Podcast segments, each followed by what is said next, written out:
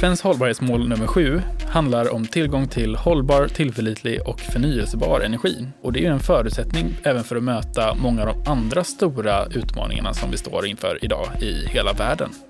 Och det handlar ju om utmaningar som fattigdom och klimatförändringar och eh, att helt enkelt uppnå jämlika och drägliga samhällen överallt.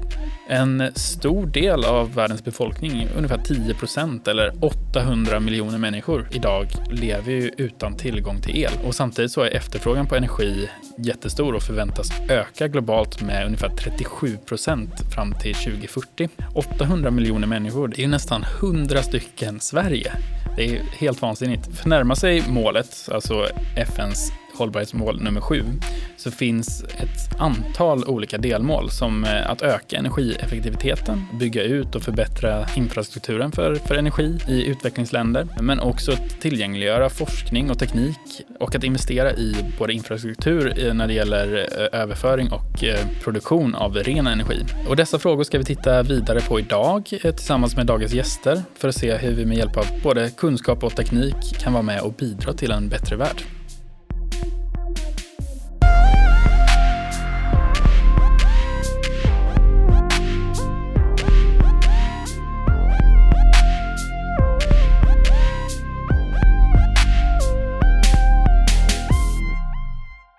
Torben Cederberg har en gedigen erfarenhet av transmission och distribution och jobbar idag med försäljning och marknadsföring av automations och övervakningslösningar för kraftnätet i delar av Europa och Asien.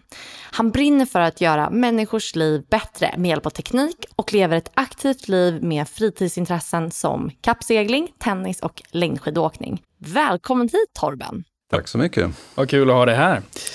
Tackar! Kul att vara här. Du, ehm, Torben. Mm. Vad är egentligen skillnaden med att jobba med sådana här projekt som vi, som vi nämner i inledningen i utvecklingsländer eh, jämfört med att man jobbar med den här typen av projekt i till exempel Sverige? Ja, det är en bra fråga. Det, det är faktiskt större skillnader än man kanske kan tänka sig först. Eh, och de stora skillnaderna ligger i mogenhet, finansiering, eh, kultur, språk. Eh, på hemmaplan så, så har vi hållit på med el i 130 år ungefär. Och i en del av de här länderna vi jobbar med nu så visst det har funnits el i 40-50 år men det har väldigt liten omfattning och samhället bygger egentligen inte på elanvändning. Mm. Men det ändrar sig väldigt snabbt nu och, och det gör att de, det är stora utmaningar men de är annorlunda än de utmaningar som vi har i Västeuropa och Nordamerika. Men utmaningar finns det gott om på båda sidor? Ja, absolut, det gör det. Och eh, delvis kan man säga att de kan lära sig lite grann av den historia vi har. Men de har ingen lust att hålla på i 130 år för att komma till den nivå vi är, utan de vill ju snabbt fram. Mm. Och därför så vill de veta vad är det sista, senaste och så vill de ha det också, fast de kanske inte har den utbildning, den vad ska vi säga, bakgrund i organisationer och sånt för att kunna ta emot och eh, köra de här systemlösningarna då, som vi använder.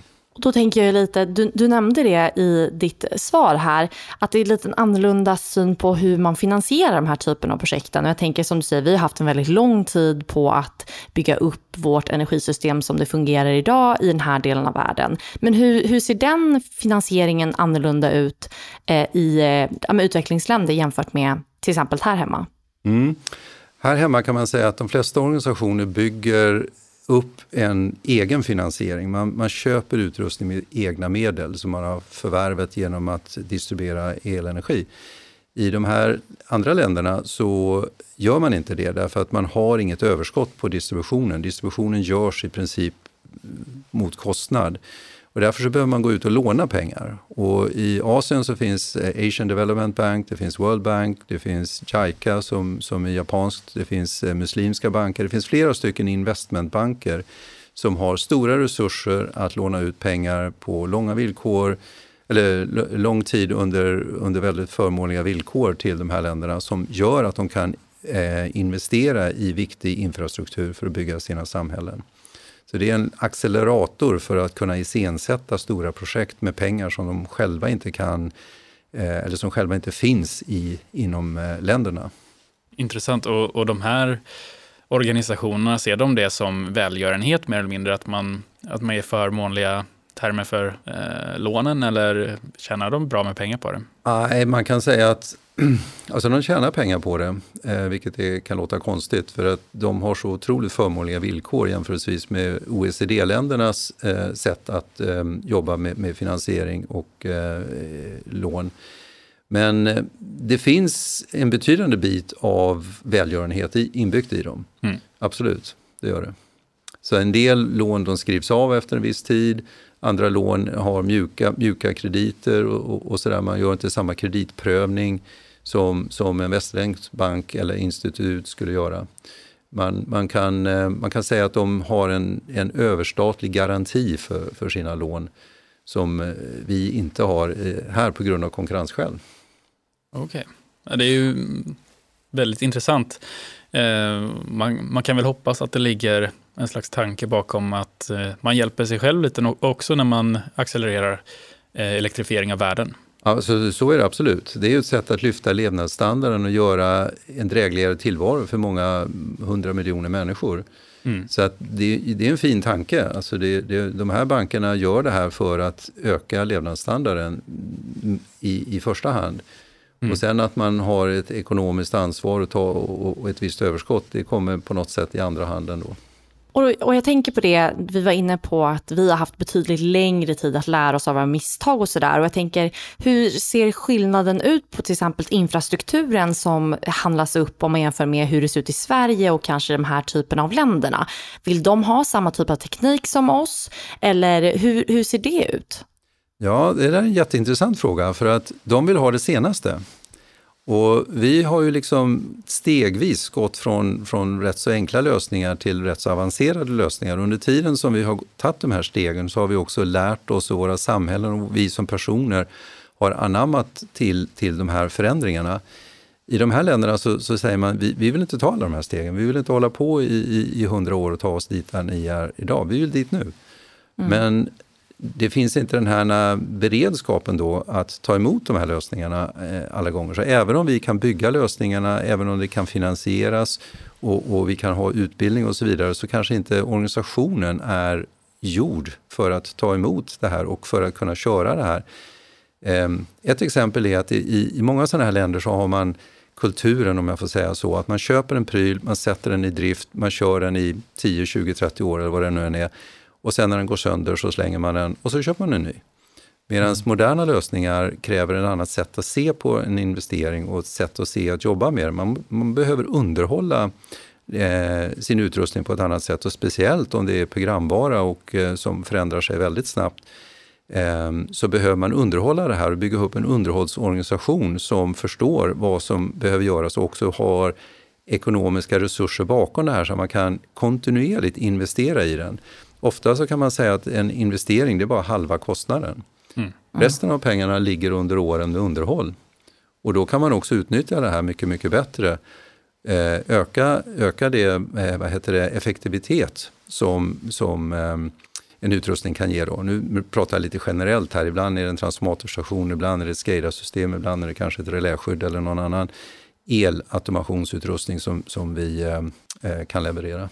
Men man märker ju att du har ju supermycket erfarenhet kopplat till några sådana här projekt. Och det vore jättespännande om du skulle vilja berätta om, om det finns något projekt som ligger dig lite extra nära hjärtat, eh, där du kanske kan berätta lite om projektet och eh, om du, vilka lärdomar du har tagit med dig. För det låter ju som att du är, du är jätteinsatt i det här området och, och det är mycket väldigt spännande såklart utmaningar och frågeställningar som dyker upp under sådana här projekt. Så det vore jättekul att få höra lite mer om någonting specifikt.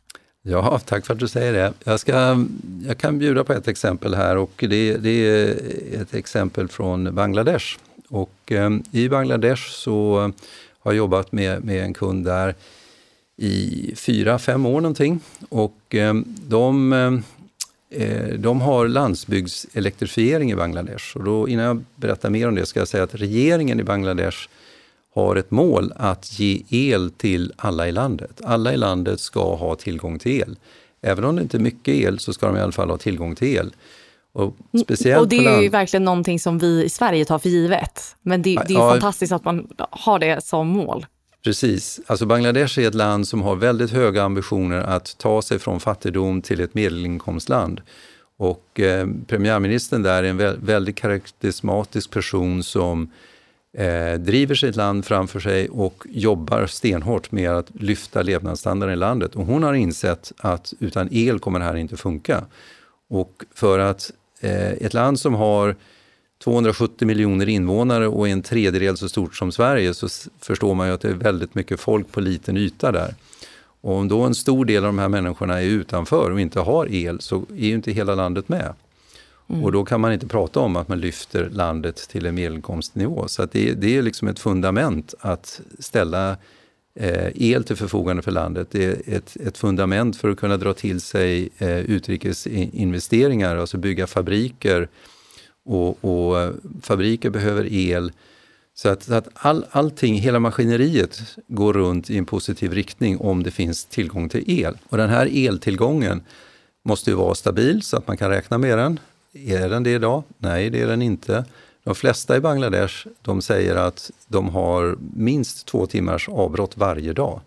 Mm. Och hur, hur, skulle vi i Västeuropa reagera om vi, till exempel vi i Sverige här, om vi hade helt plötsligt så slocknar ljuset i en timme eller två timmar eller kanske en kvart, men flera gånger per dag. Det skulle vi aldrig acceptera, men det är deras liv, det är deras standard. Och för att kunna kompensera för det så är det väldigt vanligt att många köper en liten dieselgenerator om man har råd till det som genererar el när det då är ett sånt här avbrott. En dieselgenerator är det sämsta du kan köpa om man tänker miljöförstöring. Den, den bränner dieseln till låg effektivitet och sprutar ut massa eh, växthusgaser. Så det är bara en dum lösning som, som fördyrar alltihopa och kan inte kompensera för, för en stabil elleverans. Och det här har regeringen förstått, så att de, de har hjälpt då med att eh, fokusera och också ha en del egna investeringar för att bygga med det här och sökt kunskap. Och då har de upptäckt att Sverige är ett land som har väldigt mycket sån här kunskap. Och eh, vi hade lyckats med oss att hitta rätt vägar in till eh, högsta nivå. Vi fick träffa premiärministern, vi har haft dem på besök i Sverige, officiella besök och, och ambassaden i Dhaka har varit excellent med att hjälpa till att öppna dörrar och eh, få det här att funka då i, i, eh, bygga ihop alltså vi som en industriföretag med eh, det officiella Bangladesh och officiella Sverige. Då.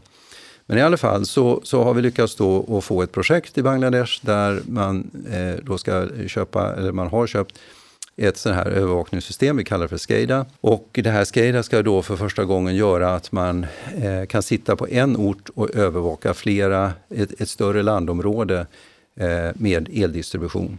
Och, och, det här projektet är fortfarande under leverans och, och vi jobbar eh, intensivt med att få allting på plats. Tanken är då att ehm, vi ska sätta en första sån här system i drift och vi ska utbilda eh, en organisation att ta hand om det här, att förstå det här med dataägandet och datakvalitet. Vi har faktiskt en del hjälp också i Sverige där det finns en organisation som heter NIR som hjälper till att bygga upp den här kunskapen. Och eh, vi har ett bra samarbete och de har också gett ett stipendium till eh, den här organisationen i Bangladesh som gör att de kan bygga upp eh, den här kunskapen inifrån. Och det är nästan en större utmaning, ska jag säga, än vad det är för oss att, att sätta dit ett, ett mjukvarusystem för att fjärrmanövrera det här nätet som de har. Och då ska, vi, då ska ni veta att det här nätet är ett megastort nät. Så det, alltså det är de, den här kunden ansvarar för distribution av el till över 100 miljoner människor dagligen. Och det, det är ju gigantiskt, så det, det vore ju dödfött att försöka ge en lösning som ska serva hela det nätet. Så istället då så har vi kommit överens med dem om att bygga i små steg. Så vi pratar om pilotsystem. Och det är det vi gör nu. Vi sätter ett pilotsystem eh, på plats och bygger upp en kunskap kring det här pilotsystemet. Och sen är förhoppningen då förstås att de ska ta över och, och känna mersmak för det här. Och sen så bygger vi mera byggbitar för att till slut en, en vacker dag i den eh, gyllene framtiden då ha ett system som kanske då täcker hela det här området med 100 miljoner människor. Eh, så det, det är ett fantastiskt projekt. Eh, det är bara i sin linda. Men eh, otroligt spännande att få jobba med. Ja, det förstår jag verkligen. Man blir, faktiskt lite, man blir faktiskt lite stolt när man hör dig berätta det här. Det låter ju verkligen som, eh, ja, men just när man tar det här ingenjörstekniken eh, och den kunskapen och arvet vi har och att faktiskt göra någonting som kommer påverka så många människor. Det är jättespännande att höra och eh, man blir stolt och du borde också vara det. ja, tack. Jo, men det är jag faktiskt. Jag är väldigt glad för det och jag tycker det har varit en fantastisk resa. Det är inte så där varje projekt man får träffa en premiärminister och försöka förklara varför det här är bra och så vidare. Men jag har fått göra det och eh, jag har också haft support från vår företagsledning hela vägen och, och, känner mig väldigt glad för det och tycker att eh, ibland så funkar det. Ibland så linjerar planeten upp sig på något vis och det har det gjort här. Ja, men det är härligt. Och de här projekten, alltså vilka tekniska utmaningar ser du framöver för att det här ska gå i lås? Ja, ehm, de tekniska problemen är två egentligen. Det ena är att det finns, det finns ingen automation gjord i deras eh, stationer där man, där man distribuerar el. Då. Så att vi kommer behöva hjälpa dem att köpa upp eller köpa in den eh, automationsnivå som behövs för att man ska kunna fjärrstyra anläggningarna. Och, eh, det, det, det är många projekt i sig då som, där, där möjligtvis vi kan leverera en del komponenter men de kommer behöva handla upp det i sin egen regi. Och eh, det kan ju bli att andra företag också vinner de här sakerna och, och att de då eh, installerar deras utrustning, vilket egentligen inte är ett problem därför att graden av standard är så hög idag så att vi kan connecta oss även till eh, andra företags utrustningar. Så att de låser ju inte in sig på något sätt bara för att de har ett SCADA-system från Hitachi. Um, så det är den ena. Den andra, det kanske är mer en, ja, det är en teknisk utmaning men det är också en administrativ utmaning och det är utbildning då. Mm. I, I de här länderna så är det väldigt mycket, vad ska jag säga, utbildning. Man vill ha utbildning på fabriken. Man vill åka till Sverige och sätta sig ett par veckor här, få utbildning här. Det är ett sätt att komma ut ur Bangladesh som, som inte ges vem som helst. Och det är inte så vanligt att man åker till Europa från Bangladesh heller, men man vill gärna komma dit. Så de vill ju hemskt gärna skicka då en liten klick hit.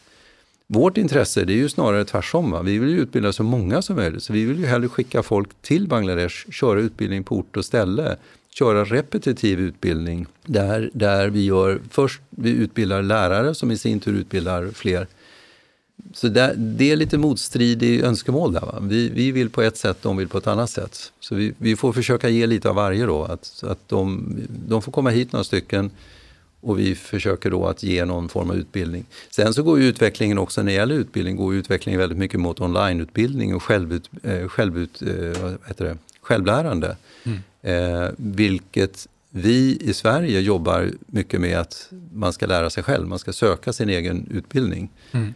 Men i, i de här länderna, och i Bangladesh inget undantag, så är det inte så. Man har inte kommit dit än. Utan där är det fortfarande lärarledd utbildning, man sitter i ett rum, man har fysiska grejer. Man, man, ehm, och det ska jag också säga förresten, det är också en sak, det är så roligt för att när, när, här i Sverige så, så, tänker vi ofta att här har ju folk, alla har en laptop, alla har en telefon, alla är liksom, har en hyfsad datorvana. Man, man har liksom en grund att stå på. Mm. Men vi träffar ofta folk som aldrig haft en laptop. Som, som möjligtvis har en telefon men inte en avancerad telefon. Så vi måste liksom ta det verkligen från, från början när vi kör igång. Väldigt intressant som industriföretag att komma in och, ja. och börja verkligen från grunden. Ja, man måste ha ögonen och öronen öppna det, det är hela tiden. Va? Mm. Kan inte ta något för givet. Utan mm. börja från grunden, bygger uppåt försöker uppträda så kostnadseffektivt som vi kan. Men visst, det här är lite tyngre projekt att dra runt än, än vad vi skulle ha i Europa. Ja, det är ju klart. Men vilken skillnad det här projektet kommer göra också. Det är ju också någonting som man verkligen får ta med sig. Ja, faktiskt. Jag, jag, jag har ju själv varit i Bangladesh så många gånger så jag, kan ju, jag vet precis hur det är. Jag har fastnat i hissar som helt plötsligt bara fastnar på mellan våning 8 och 9 och så sitter man där en timme eller två innan det kommer el tillbaka och hissen startar igen. Mm. Så att det är så, och då kanske det är 35, nästan 40 grader ute och ännu varmare än den där hissen. Så att det, är, det är ingen önskedröm att fastna i de där. Men just därför så känner jag att det här gör verkligen nytta. När det här kommer på fötterna, när det här kommer igång och de får, får bättre ordning på, på distributionen där, så kommer så många människor få det bättre. Jag, jag, jag kan lätt säga att det här är ett förbättringsprojekt för, för bra många människor. Mm. Det är ju helt fantastiskt och med det så tycker jag faktiskt vi borde ringa upp Eh, Anna Svantesson som arbetar på den svenska ambassaden i Bangladesh. Anna Svantesson jobbar på den svenska ambassaden i Bangladesh som chef för sektionen för politik, handelsfrämjande och kommunikation. Anna har arbetat på UD sedan flera år tillbaka och gick UDs diplomatprogram 2020. Innan posteringen i Bangladesh arbetade Anna i Stockholm på UDs enhet för mänskliga rättigheter och folkrätt. Anna har en bakgrund från Lunds universitet med studier inom mänskliga rättigheter och statsvetenskap. På fritiden spenderar hon gärna tiden med att läsa eller att upptäcka Bangladesh tillsammans med sin medföljande sambo. Varmt välkommen Anna! Stort tack! Jättekul att få vara här. Verkligen kul att ha dig här. Eh, vi hoppar rakt in i, i frågorna som vi har till dig nu. Eh, mm. och jag tänkte börja med, kan du berätta lite om vad, vad ert eh, uppdrag är egentligen och eh, hur ni jobbar för att bidra till en ökad export av hållbar teknik från Sverige? Absolut. Så ambassaden i Dhaka är precis som, eh, som alla våra ambassader en fristående myndighet men som, eh, som såklart lyder under regeringskansliet. Och vår uppgift är att representera Sverige och den svenska regeringen i Bangladesh och på så sätt också främja Sveriges intressen. Och eh, om jag bara går tillbaka och berättar lite brett om, om ambassaden i Dhaka så har vi fyra olika sektioner med olika fokusområden. Vi har en sektion som arbetar med svenskt utvecklingssamarbete i Bangladesh då med inriktning på bland annat hälsa, klimat och miljö, mänskliga rättigheter och jämställdhet. Eh, och bland annat som sagt. Men vi har också en migrationssektion och en, administra en administrativ sektion och sen då den sektionen som jag jobbar på, den som fokuserar på politik, handelsfrämjande och kommunikation. Och när det kommer till just handelsfrämjande arbete så, så eh, gör vi det på många olika sätt. Vi stödjer svenska företag, både de som är, redan är etablerade i Bangladesh men också de som söker nya möjligheter för att bedriva handelsutbyte med Bangladesh, i Bangladesh. Och I de här frågorna så, så samarbetar vi väldigt nära med Business Sweden som täcker Bangladesh från New Delhi. Men också det som heter Sweden Bangladesh Business Council i Stockholm och också den, den nordiska handelskammaren här i, i Dhaka. Så främjandet är en av utrikesförvaltningens huvuduppgifter och syftet med främjandet är att bidra till ökad handel, ökade investeringar men också att synliggöra Sverige och de värden som vi står för och också de, de möjligheter som Sverige erbjuder. Och målet är såklart att skapa intresse och förtroende för Sverige. Så det jobbar vi mycket med. Och eh, om man ska gå in mer på just hållbarhetsaspekten av det så kan man väl se att, eh, att öka exporten av just hållbar teknik är såklart en av våra tydliga prioriteringar. Bangladesh är ju en av Asiens snabbast växande ekonomier och går igenom en stor omvandling med ett, ett, behov av olika lösningar inom hållbarhetsområdet. Och att främja hållbarhet brett är en, också en tydlig prioritering för Sverige, både vad gäller ekonomisk hållbarhet, social hållbarhet och när det kommer till miljöfrågor. Och vi ser också att det här är någonting som svenska företag har högt på sina agendor och är ofta ledande i att att driva de här frågorna. Så vi ser att behovet finns i Bangladesh och vi ser också att svenska företag har mycket att erbjuda när det kommer till tekniska lösningar för att möta olika behov inom hållbarhetsagendan som, som Bangladesh står inför och såklart behöver anpassas till, till den lokala kontexten. Och, eh, Sverige ses ju ofta som föregångsland på hållbarhetsområdet, inte minst när det kommer till just innovation och teknik och är oftast eh, associerat med gedigen kunskap och kvalitet. Absolut, det, det, låter ju som en väldigt bra matchning vi har här mellan, mellan Sverige och Bangladesh och svensk industri. Och så vidare. Och Sverige var ju en av de första nationerna att erkänna Bangladesh också för, för 50 år sedan. Hur skulle du säga om du tittar på relationen i liksom, överblickande? Hur ser relationen ut mellan våra länder idag? Ja men absolut, det stämmer ju helt att vi var bland de första länderna att erkänna Bangladesh den 4 februari 1972. Så att vi firar 50 år nu av bilaterala relationer är en viktig milstolpe i relationen. Men det är ju precis som du säger också ett, ett jättebra tillfälle till, till reflektion. Både kring våra, vår gemensamma historia, vad, vad som har varit men också kring framtiden och vad som, vad som komma skall. Och sedan Sverige erkände Bangladesh så har våra länder utvecklat en god och stabil och, och dynamisk relation. Sedan eh, självständigheten så har Sverige haft ett ett betydande och långt, långvarigt utvecklingssamarbete som har bidragit på många olika sätt. Bland annat med minskad fattigdom men också från många olika aspekter. Och sedan självständigheten så har Bangladesh genomgått en, en imponerande utvecklingsresa och ekonomisk tillväxt och är nu en av Asiens snabbast växande ekonomier. Så i takt med den stabila ekonomiska utvecklingen så har också handelsutbytet mellan Sverige och Bangladesh ökat. Och vi är såklart jätteglada för att handel och investeringar får allt mer fokus i våra bilaterala relationer med ett tydligt ökat intresse från många svenska företag. Så vi ser stor potential också att fördjupa de ekonomiska, det ekonomiska utbytet och handelsrelationerna ytterligare. För vi ser ju också att Sveriges ex expertis inom innovation, klimatsmart teknik gör oss väl positionerade för att expandera handelsrelationerna, inte minst inom vad vi nämnde tidigare, hållbarhetsområdet och, och den gröna industriomställningen men också energiomställningen som, vi, som ni pratar om idag och i er, i er podd. Ja, nej, men det, det är jättespännande att höra just hur den här relationen har utvecklats under de här 50 åren. Och det här var ju ett av exemplen som eh, Torben tog upp, just där vi som företag då kan faktiskt vara med och mm. stötta. Mm. Att faktiskt, ja, men, inte bara att det, är, att det är en försäljning och ett projekt i ett land, utan faktiskt göra en mm. stor skillnad. Eh, och där tänkte jag, hur ser ni att både Sverige och då kanske och även då Hitachi Energy kan bidra just till den här hållbara energiomställningen som just nu är väldigt eh, högt prioriterat i Bangladesh. Mm.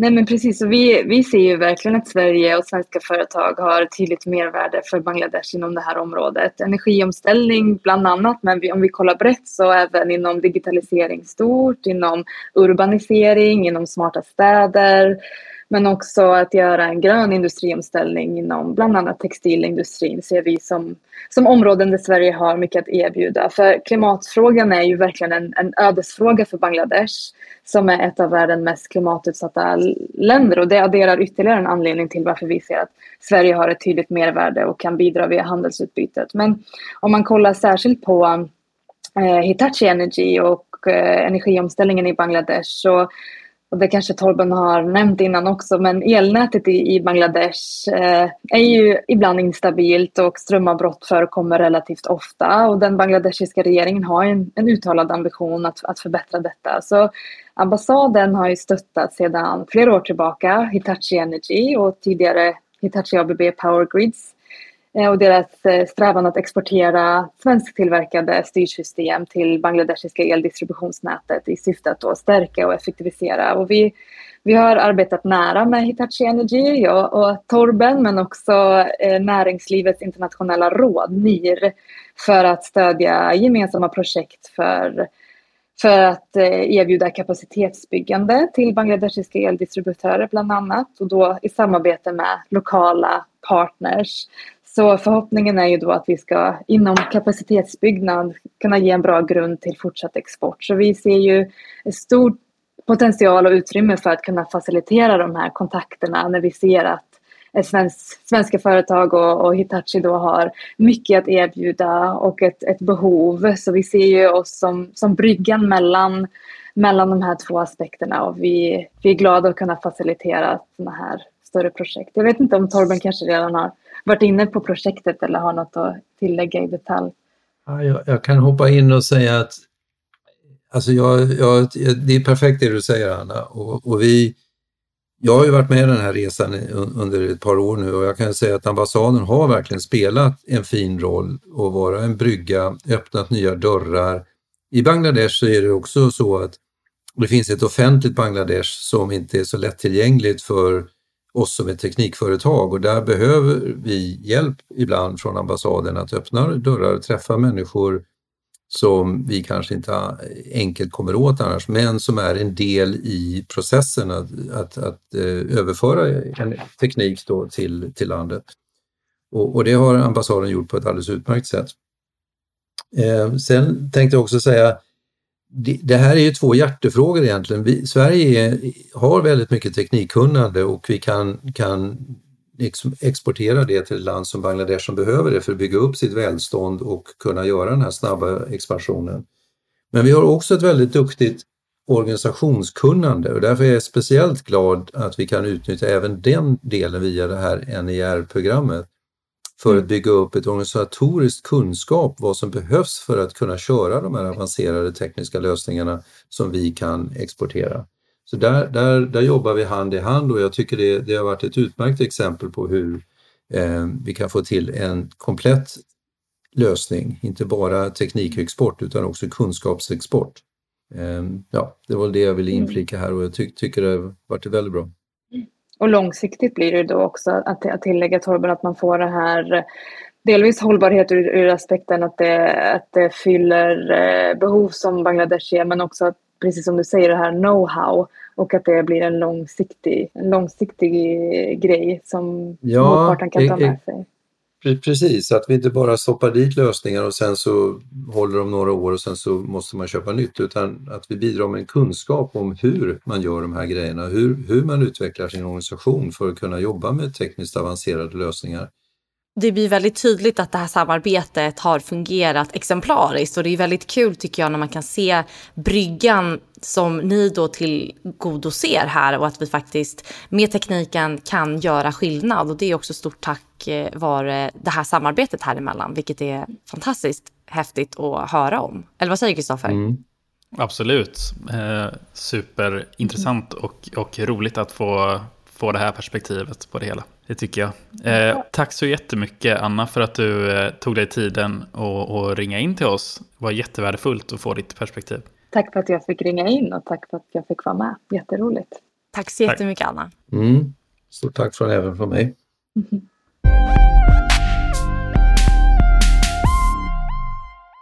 Ja, nej men det var ju verkligen toppen att vi kunde ringa upp Anna, eller att hon kunde ringa upp oss, att vi fick eh, ambassadens perspektiv på det hela och fick lära oss lite mer om hur de jobbar från, från eh, hur de ser det själva.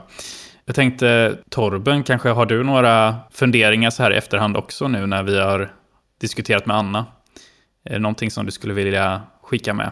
Alltså jag måste ju säga det att jag tycker att det här har varit en väldigt um, kul upplevelse som vi har haft i, i Bangladesh och att det har tagit några år att komma där vi är och vi har gått från klarhet till klarhet. Men jag skulle vilja understryka en sak och det är att ambassaden hade, eller har, en väldigt viktig roll i att utveckla våra affärsmöjligheter på en sån marknad som Bangladesh. Och jag tror att det går också att ha i andra länder. Det behöver inte bara vara Bangladesh på något sätt, utan det här går att flytta till andra länder också.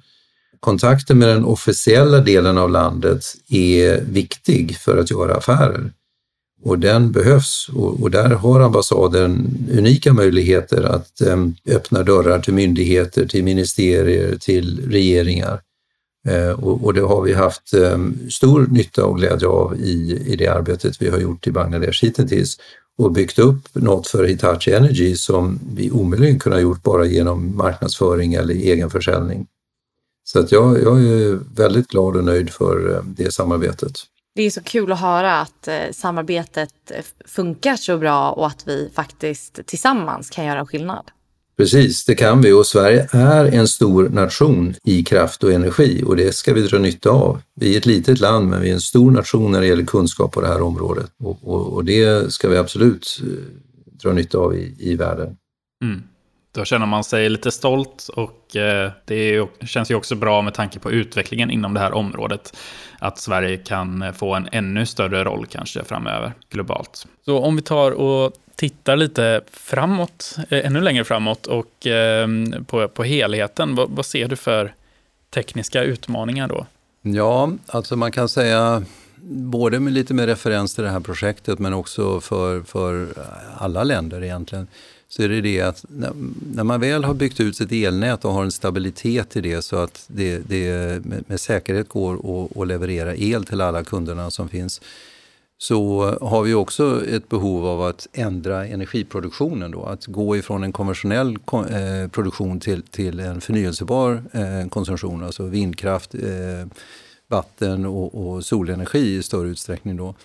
Och den är annorlunda än konventionell energi. Så det kommer i sin tur att ställa väldigt stora krav på de här elnäten då, att de kan anpassas för att eh, ansluta då eh, förnyelsebar el. Och det här är en stor skillnad då, att förnyelsebar el pumpar man in överallt i näten. Om man, har, om man har solceller på taket på ett hus, då är man faktiskt längst ut i nätet. Ett nät som är byggt utifrån att den mesta energin pumpas in på vissa punkter och sen så blir näten smalare och smalare och smalare. Om man jämför med, med, med väg så kan man säga att idag så pumpas energin in på en motorväg och sen så finns det massa avfarter som blir smalare och smalare och smalare ända tills man kommer fram till det hus där man ska, eh, dit man åker. Och så är det i elen också då, att näten är byggda utifrån att det finns tjocka motorvägar och sen så finns det avfarter som man tar av så blir de tunnare och tunnare tills man kommer till där elen till slut förbrukas. Men om man då helt plötsligt vänder på det där och säger att en stor del av, av framtidens eh, energi kommer faktiskt matas in längst ut i de här näten, där de är som smalast, så inser man ju på en gång att det här blir ett problem. Vi kommer inte kunna peta in den här energin mer än till det huset där den finns. Och den energi som kommer vidare från huset får besvär helt enkelt att ta sig vidare in mot motorvägen, där det finns med snabbhet kan ta sig vidare till andra ställen i nätet. Så det här är en jätteutmaning. Och då så har man pratat om smart grids och andra saker för att få bukt med det här och på något sätt smarta upp näten då så att de kan jobba med det här. Och det är den största tekniska utmaningen framöver, att eh, få det här på, på plats och att få det här att hända så att vi med säkerhet kan ta in energi från eh, de här mindre producenterna men som finns i stort antal. Där exempelvis solceller på taket eller mindre vindkraftverk är perfekta exempel. Väldigt intressant. Ja. Vi har fått lära oss så mycket av dig och du har ju verkligen enormt mycket kunskap så det ska bli väldigt spännande att höra ditt svar på den avslutande frågan som vi ställer till alla våra gäster i den här podden. Och det är, vilken tycker du är den viktigaste faktorn för att vi ska kunna ställa om till ett fossilfritt energisystem? Ja, jag är glad för att höra det här men jag är ledsen om jag gör er lite besvikna men jag, jag, jag tror faktiskt att om jag får välja något så är den viktigaste faktorn är nog att vi måste vara beredda att ändra lite grann i vår livsstil. De här förändringarna som, som vi står framför oss här, om vi verkligen menar allvar med att vi vill gå mot en fossilfri framtid, vi vill anamma eh, förnyelsebar energi, så måste vi också öva oss lite grann i att ha ett annat konsumtionsmönster än vad vi har idag. De flesta idag ser på el som att det är något som kommer ur två hål i väggen och struntar fullständigt i hur och varför. Men med en stor flotta, med, om man tar exempel med elbilar, de har ju batterier och de behöver laddas. Alla önskar ju ha så kort laddning som möjligt. Det är, det är ett av de stora hinder mot för, för elbilar att sprida sig mer. Det är ju att det tar relativt lång tid att ladda dem. Och det är väl okej okay om man bara åker fram och tillbaka från hemmet till arbetet, parkerar bilen på kvällen, stoppar in sladden, låter den ladda under hela natten och sen är det en ny fräsch laddning nästa dag. Men om man åker en lång sträcka och den här laddningen inte räcker, vem har tid att sitta flera timmar och vänta på att den ska laddas då? Det är ju ingen som har. Tanka bilen, det tar bara några minuter och det vill man få in på batterierna också.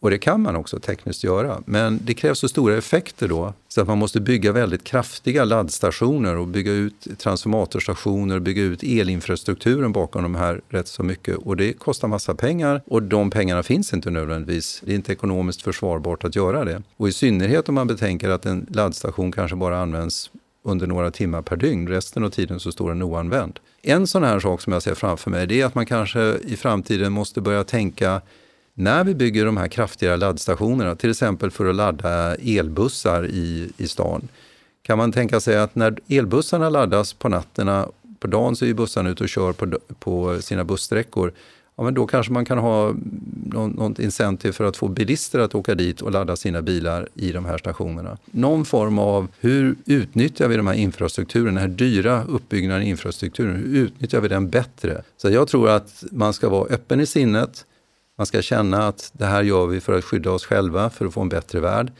Men det kanske kostar att det blir lite mer, jag får åka en längre sträcka, det tar lite längre tid eller det är någon annan till synes negativ sak men, men kanske inte påverkar mig på det stora hela om jag tänker efter. Det är viktigare att vi uppnår en bättre värld än att vi får laddat på en minut istället för fem minuter. Mm. Att vara lite anpassningsbara. Ja, ha ett öppet sinne och vara anpassningsbar. Det, det tror jag kommer långt på det. Väldigt kloka ord, tycker jag. Ja, det där, jag tycker det var ett väldigt bra svar. Ja, man känner ju ett motstånd mot att uh, känna att man ska behöva anpassa sig eller att det ska, saker ska bli jobbigare. Men jag tror också att det finns mycket möjligheter säkert mm. med det här. Absolut. Saker som vi kanske inte ser nu. Mm. Och ju mer vi pratar om det, desto bättre är det. Alltså, jag kan ju säga, jag är ju tekniker i botten, jag älskar ju problem. Mm. Det, det, är ju en teknikers dröm att få lösa ett problem. Men jag måste ju lösa det på ett sådant sätt så att lösningen är accepterad. Mm. Och det blir den endast när man pratar om det, när jag förstår alla aspekter på problemet. Inte bara de tekniska aspekterna utan ekonomiska och, och sociala och andra aspekter. Är människor beredda att göra de här eftergifterna? Allt det där måste vävas ihop för att vi ska bygga de lösningarna som, som håller imorgon. Mm. Och ju fler som hör om det, desto större chans är det väl kanske att man kommer på kreativa idéer med hur får vi in nya, ja, men, nya sätt att tjäna pengar på den här infrastrukturen som behövs till exempel. Mm. Absolut. Tack så jättemycket för, Ja. för att du kom och delade med dig med, av kunskap och tankar. Det var väldigt bra. Ja, men tack också till er för, för jättefina frågor. Jag lär mig också. Det här är också bra för mig. Jag är väldigt glad. Tack. Stort tack. Det var jättekul att ha dig här. Ja, Elin. Eh, Ja, Kristoffer. Ja, vilket intressant eh, avsnitt och eh, grymma gäster. Ja, men verkligen. Det är eh, ibland när man sitter och gör sitt day-to-day work kan det kännas ganska svårt att förstå var ens arbete hamnar och kanske vad man kan göra för skillnad med våra produkter. Men idag känner jag mig extra stolt efter att ha hört eh, det här fantastiska initiativet som sker i Bangladesh, för att vara Mm. specifik. Det är väldigt eh, konkret och eh, ger, gör stor skillnad, låter det som. Så att, eh, ja, väldigt kul att få höra mer om det. Är det någonting som eh, du tänker på, eller har tänkt på nu under avsnittet, som du verkligen tar med dig? Ja, men jag tycker att Torben var inne på det flera gånger, just det här intressanta, alltså i mötet med kund och hur skillnader, både kulturella skillnader, alltså ganska basala grejer egentligen, att man har helt, kan ha ganska olika fokus på vad som är viktigt när man levererar en produkt eller en tjänst. Det är kanske någonting som jag själv inte reflekterat jättemycket på och att man i andra länder med andra kulturer kanske har ett annat synsätt på hur man ska använda teknik eller hur det blir mest effektivt att faktiskt tillämpa den här nya förnybara och smartare energitillämpningarna som vi bland annat då tillgodoser med.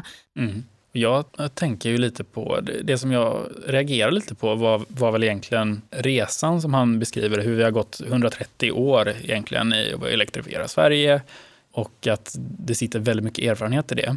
Medan i de här utvecklingsländerna som till exempel Bangladesh då, att man eh, såklart vill, vill gå väldigt fort fram och ta den senaste tekniken. Eh, men att eh, det, det kommer med ganska stora utmaningar då också. Jag har ju tänkt mer där att, att det är en ännu större möjlighet än vad det, vad det kändes som i det här samtalet. Att man inte har all det här, att man har investerat i, i massa gamla elnät som behöver upprustas. Att man nu istället har en, en blank slate att starta från. Så det är väl någon slags balansgång mellan där då, eh, kan jag tänka mig. Och återigen, det är väldigt intressant för det här är ju verkligen när teknik möter människor och möter samhällen och hur hanterar vi det? Och det här handlar om 100 miljoner människor som kan gynnas av det här. Eh, och det är ju faktiskt helt fantastiskt att våra produkter, det, du vet, vi pra- man hamnar lätt i sin Sverige-bubbla att vi ska elektrifiera här och vi ska ha mer eh, sol, mer vind. Och sen så eh, ser man det från Bangladeshs synvinkel, ja men det är väldigt vanligt att inte ens ha el eller och finns det så är den väldigt opolitlig och man vet inte riktigt när man kan ta för givet att använda den. Så det blir verkligen svart på vitt Exakt. vilken fantastisk situation vi har här i Sverige. Både då tillförlitlig el som alltid finns där och som vi tar för givet, men också den väldigt gröna energimixen vi faktiskt har här. Ja, verkligen. Och, och vilken potential vi har att eh, hjälpa till överallt och, och göra människors liv bättre. Ja, nej, men det, det, det är en god känsla som man har när man går ur det här avsnittet tycker jag. Ja, men eh, jag känner mig lite extra lång idag. Väldigt stolt. Så att eh, jättetrevligt samtal och superspännande att höra mer om det här området helt enkelt. Tack så mycket för att ni har lyssnat. Tack så mycket.